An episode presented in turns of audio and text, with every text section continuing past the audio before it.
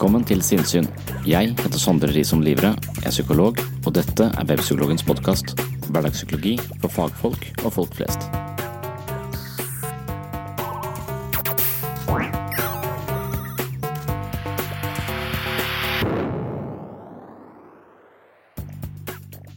For nye lyttere er dette en kort introduksjon til sinnssyn, og hva du kan forvente å finne på denne podkasten. For gamle lyttere blir dette en liten cocktail av innspill fra ulike episoder, og jeg kaller det for shots av sinnssyn. Jeg er overbevist om at hjernen er noe som kan og bør trenes på lik linje som resten av kroppen. Men hvordan gjør man egentlig det? Man bruker hodet sitt, og sinnssyn har som mål å utforske dette terrenget. På sinnssyn forsøker jeg å si noe nytt om ting du har tenkt på før, eller si noe selvfølgelig om ting du aldri har tenkt på. Sinnssyn handler om å se sitt eget sinn. Det er i slekt med begreper som mentaliseringsevne og selvbevissthet. Hjernen vår fabrikkerer alle våre opplevelser av oss selv og livet, og denne prosessen er påvirka av fortidens erfaringer, tilfeldige humørsvingninger, blodsukker, tendenser til pessimisme eller optimisme og mye, mye mer. Valøren i våre opplevelser bestemmes i høy grad av hvilke valg vi tar, hvordan vi lever livet og vår livskvalitet. Derfor er det viktig å være litt oppmerksom på hjernefabrikkens aktivitet, og psykologi handler om denne typen oppmerksomhet. På sinnssyn forsøker jeg å formidle psykologi til fagfolk og folk flest, og målet er å beskrive menneskers indre liv på en måte som kan stimulere til selvrefleksjon og en dypere innsikt i menneskers motivasjon og oppførsel. Her kommer en kort beskrivelse av et tyvetalls episoder som du finner på podkasten. På sinnssyn har jeg publisert langt over 200 episoder, og alle sammen tilstreber å lodde dybden i menneskets indre liv og sette ord på det som er usagt i relasjonen mellom mennesker. Er du litt over middels interessert i psykologi og selvutvikling, kan det hende at Sinnssyn er podkasten for deg. Vil du følge med på aktiviteten, må du abonnere på podkasten i din podkastapp, like Webpsykologen og Sinnsyn på Facebook, Instagram, Twitter, YouTube og TikTok. I de raske sosiale mediene lager jeg korte videoer som oppsummerer en del av hovedpoengene fra podkasten, og det er dette jeg kaller for shots av sinnssyn. På YouTube finner du lengre foredrag og forelesninger i samme takt og tone som alt annet materiale fra Webpsykologen og sinnssyn. Siden denne episoden her postes som en trailer og ikke som en selvstendig episode av sinnssyn, skal du nå få et titalls shots av sinnssyn som en smakebit på noe jeg håper du vil ha mer av, eller som en kort oppsummering for deg som allerede er fast lytter av sinnssyn. Følgende gir deg altså en kort innføring i et tilfeldig knippe av temaer du finner på sinnssyn, og ikke minst hvor du finner dem. Dette er langt ifra hele katalogen, men det representerer tematikken du kan forvente å finne på denne podkasten. Velkommen til sinnssyn, og hold deg fast, for det her går fort.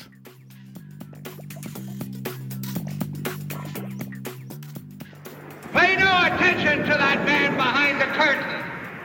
The great and Oz has spoken. Who are you? Oh, I, I, I am the great and powerful Wizard of Oz. Noen ganger må vi omgås mennesker som bare tenker på seg selv, tråkker på andre for å hevde seg selv eller utnytter andres sårbarhet til sin fordel. Mennesker i psykologisk underskudd trenger mye fra omgivelsene, men har tilsvarende lite å gi. Dette kan føre til at de oppfører seg egoistisk og selvsentrert i en evinnelig kamp for å tilkjempe seg anerkjennelse, fordeler, oppmerksomhet, omsorg eller andre ting fra omgivelsene. Egoisme er også en egenskap som barn utvikler i mangel på grenser og føringer fra sine omsorgspersoner. Foreldre til bortskjemte barn har gitt barna en forståelse for at de ikke trenger å yte noe for å få noe. Uten evne til å vurdere en rettferdig fordeling mellom egne og andres behov, utvikler man en egoistisk væremåte som i siste ende skaper ensomhet. Vil du vite mer om egoismens psykologi, og ikke minst hvordan man på best mulig måte omgås egoister eller håndterer egoistiske venner og bekjentskaper, kan du reise til USA eller høre episode 54, 94 og 95 på min podkast Sinnsyn. Vil du ha tilgang til mer sinnssyn enn det du finner på den åpne podkasten, kan du tegne et abonnement på mitt mentale treningsstudio på patron.com for seg sinnssyn. Hva er det med de menneskene som virker belastende på andre? Hva er det med de folka som oppleves som dårlige venner? Så vidt jeg kan se, presenterer de ofte problemer på en litt passiv måte. De beklager seg mye over alt som er galt, men ofte indirekte og diffust anklagende. Det er som om de fisker etter at andre skal bli opprørte på deres vegne. De gir ikke uttrykk for det, men ofte synes de synd på seg selv, og de forsøker å få andre til å føle det samme. Det er som om de stjeler andres omsorg, alt som blir stjålet smaker surt. Det har vi lært i Hakkebakkeskogen. Ofte kommer man i en posisjon hvor man blir veldig trøstende, rådgivende og veiledende. Man forsøker febrilsk å hjelpe den andre, men den andres problemer er så store at de er dømt til å mislykkes. Vi får ingen følelse av å være til hjelp, men blir langsomt innhyllet i den andres følelse av håpløshet og maktesløshet. Den andre har satt sine tunge poser i vårt fang, og vi går fra samtalen med en type overlast vi ikke hadde fra før. Vil du høre mer om dårlige venner, kan du høre episode 188 på min podkast Sinnssyn. Knackelig Hej Ove. Tjenare Alex! Psykopater er hensynsløse. De kan ta stor plass i et rom, og de kan virke selvsikre og sosialt utfordrende fordi de gjerne sier ting uten å være videre opptatt av sosiale hensyn. De kan virke spennende og utfordrende av denne egenskapen, men samtidig forårsaker de gjerne usikkerhet hos andre med sin barduse fremferd. Et problem er at man assosierer denne typen atferd med selvsikkerhet, noe man gjerne beundrer og noen tiltrekkes av det. En psykopat blir sjelden sjokkert over ting som forskrekker andre. En psykopat kan fremstå som merkverdig rolig i konflikt med andre. De vil gjerne ha kontroll, noe som gjør at de ofte inntar en sentral posisjon. Noen lar seg fascinere og forføre av psykopatens manipulerende egenskaper, og det kan gå riktig galt. Vil du vite mer om psykopatens mørke sinn, har jeg laget flere episoder om psykopati på min podkast Sinnsyn. Sjekk ut episode 96 og 101 for et dypdykk i sjelens mørkeste avkroker. Er avhengighet en sykdom eller et valg? Er det forårsaket av psykososiale faktorer, genetikk og eller fysiologi? Er det stoffet eller våre avhengige disposisjoner og tilhørende oppførsel som gjør mennesker til slaver? Eller har noen personer bestemte karaktertrekk som gjør dem sårbare for avhengighet og misbruk? Er avhengighet et symptom og et uttrykk for psykologiske vanskeligheter? Skal det forstås som en destruktiv mestringsstrategi for å takle emosjonelle konflikter? Spørsmålene er mange, og svarene spriker i like mange retninger. Selv om avhengighet har vært et velkjent fenomen i flere hundre år, så finnes det fremdeles ingen klar enighet om definisjonen på avhengighet. Det er også mange ting vi mennesker utvikler et avhengighetsforhold til. Det kan dreie seg om rusmidler, sex, gaming og mye mer. Hvordan skal vi egentlig forstå menneskelig avhengighet? Dette er tema i episode 171 på min podkast Sinnsyn. Hvis du har blitt avhengig av sinnssyn, ønsker å støtte prosjektet og få tilgang på masse ekstramateriale, kan du skaffe deg et abonnement på mitt mentale treningsstudio på patrion.com forsvars sinnssyn. Familieproblemer er ikke uvanlig, og det handler ofte om ubevisste samspillsmønstre som skaper symptomer eller ødelegger relasjonen mellom familiemedlemmene på en snikende måte. Noen familier snakker aldri om følelser, noe som fører til store psykiske spenninger innad i familiesystemet, i noen familier er det dårlig kommunikasjon mellom foreldrene, hvorpå mor eller far vender seg til barnet for å snakke om sine problemer, og barnet får et voksenansvar som kan forstyrre deres egen emosjonelle utvikling. I noen familier utvikler barna symptomer som et ubevisst forsøk på å kanalisere foreldrenes oppmerksomhet mot seg selv for å unngå at de krangler eller har problemer seg imellom. Andre familier har en nevrotisk struktur hvor man forsøker å holde sterke følelser på avstand og holde husstanden så pertentlig og ryddig som mulig. Noen familier har en syndebukk som bærer familiens problemer på sine skuldre, noe som fritar resten av familien for ansvar og tilslører deres bidrag til familiens vanskeligheter.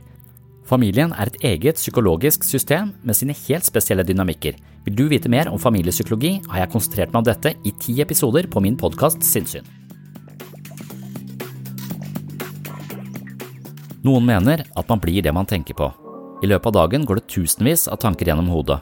Vi legger ikke merke til alle sammen, men de kan påvirke oss likevel. Hva vi tenker om oss selv, andre mennesker og verden for øvrig, er i høy grad påvirket av vår fortid og tidligere erfaringer. Gjennom oppveksten installeres holdninger, selvfølelse, perspektiver, meninger, drømmer, mellommenneskelige strategier og mye mer. Det er dette jeg kaller psykens operativsystem. Vi ser ikke oss selv eller verden akkurat slik den er, men slik den fremstår for oss når vi har filtrert våre opplevelser via gamle nevroser. Det er fordi vi alltid skaper våre helt egenartede opplevelser at jeg påstår at alt vi tenker og føler er feil, eller bare litt riktig. Målet er at vi skal tenke litt mer på hvordan vår egen syke fabrikkerer våre opplevelser av oss selv og livet. Kanskje lever vi med en fortolkningsprosess som gjør livet dystrere enn det trenger å være. Det er tema i den aller første episoden av min podkast Sinnsyn, og du finner den der du hører på podkaster. Hjernen er som en komplisert muskel. Den må trenes og holdes ved like for å fungere optimalt, akkurat som resten av kroppen. Men hvordan trener man egentlig hodet? På et tradisjonelt treningsstudio løfter man vekter, jogger på en tredemølle eller sykler for harde livet sammen med en dame som jeg mistenker ruser seg. Hun er i alle fall entusiastisk på en måte som er langt utenfor normalområdet. Psykisk trening handler om å holde et våkent øye med tanker, impulser, følelser og reaksjoner. Det handler om å oppdage hvordan vi til stadighet tar psykiske snarveier som gir en lettelse i øyeblikket, men straffer seg på lengre sikt. Jeg håper at podkasten Sinnsyn kan fungere litt som et mentalt treningsstudio for dere som hører på. Hver gang vi tenker på vårt eget indre liv, har vi aktivert det øyet som observerer vårt psykiske maskineri. Og nettopp dette øyet er den muskelen vi må trene opp for å skaffe oss mer innsikt, et større overblikk og evnen til å regulere følelser, slik at vi kan tilpasse oss ulike situasjoner på en mest mulig meningsfull måte. Sjekk ut podkasten Sinnsyn for en mental treningsøkt. Du finner den der du hører på podkaster. Hva kjennetegner lykkelige mennesker? De har gode sosiale relasjoner der kvaliteten er viktigere enn antall relasjoner. De bruker tid og energi på venner, familie og parforhold. De både gir og tar imot. De har livsmål, ambisjoner og drømmer. De er venn med seg selv, har god selvfølelse og evnen til å uttrykke takknemlighet. De har mentale album som inkluderer gode bilder fra fortiden. De har mestringsstrategier for ulike livsutfordringer. De opplever mening og kontroll i eget liv og foretar gode valg. De er til stede i livet og i hverdagens øyeblikk. De har mer fokus på hva som er godt enn hva som er best. De har en iboende tendens til optimisme og evnen til å overse bagateller. De er fysisk aktive, har god helse og får nok søvn. De er nysgjerrige, entusiastiske og interessert i å lære nye ting.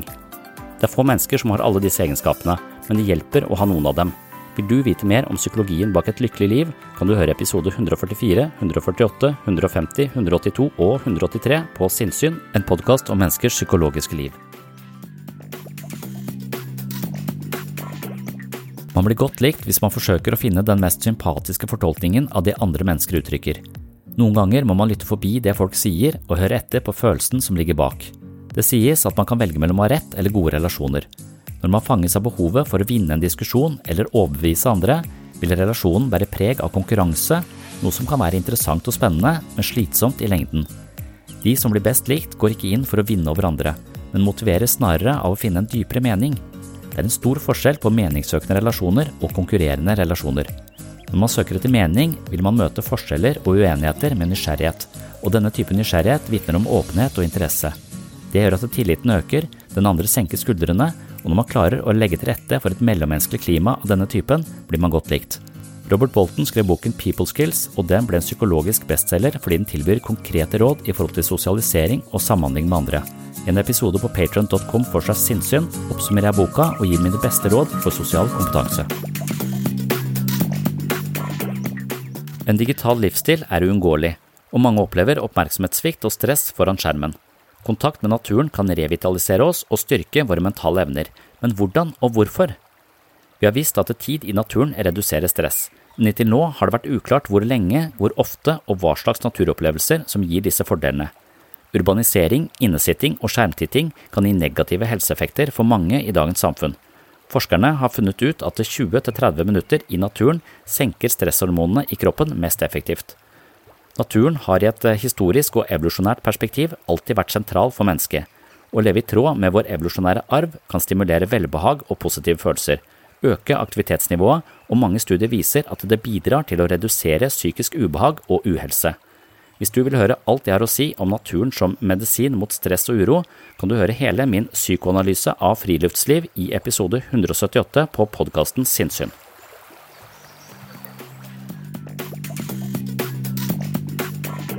Dårlig søvn dobler risikoen for angst og depresjon. I tillegg øker det risikoen for en rekke fysiske sykdommer. Én ting er at kroppen ikke får nok hvile, og man blir trøttere. Dette fører som regel også til at man beveger seg mindre og trener mindre, noe som igjen kan gi mer smerte og dårligere fysisk form. Psykologisk sett er søvnen en periode hvor man bearbeider inntrykk og vedlikeholder det mentale maskineriet. I dyp søvn tømmes bevisstheten for tanker og følelser som ansporer til bekymring og uro. Derfor er det i den dype søvnen vi finner den viktigste formen for hvile. Når vi ikke klarer å falle i søvn, blir hele vårt psykologiske liv overbelasta.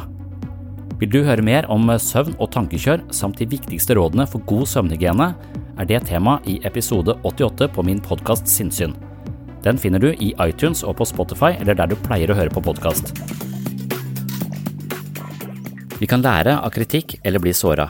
Vi kan gi konstruktiv kritikk eller kritisere andre fordi vi har uavklarte følelser i oss selv. Kritikk er et finurlig fenomen.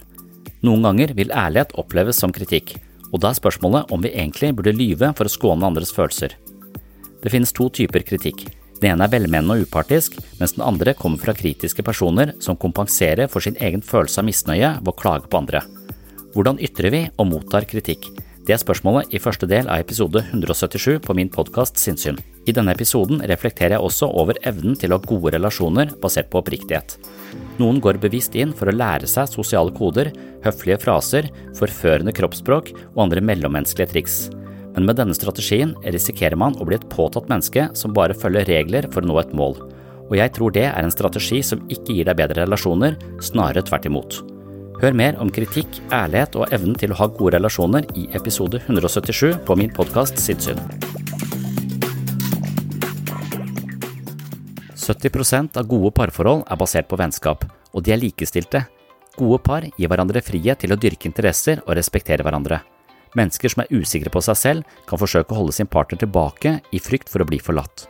I slike forhold kan sjalusi og andre destruktive følelser legge beslag på forholdet. Like barn leker best kan være godt for trivsel, men motsetninger kan føre oss ut av egen komfortsone og utvide våre horisonter. Kanskje ulike mennesker har mye å gi hverandre dersom de tør å la seg endre i takt med sin partner. Motstand og krangling er ikke alltid et tegn på et dårlig forhold. Evnen til å reparere slike konflikter gir forholdet en større dybde. Det som er vanskelig, kan ofte bli mer meningsfullt på sikt, mens det som er lett, kan bli en selvfølge. Hvis du hele tiden unngår å forplikte deg i et forhold, i tilfelle det dukker opp en ny forelskelse, så mister det forholdet du har, all verdi. Gresset er ikke grønnere på den andre siden, gresset er grønnest der du vanner det. Hør mer om parforhold i episode 170 på min podkast Sinnsyn.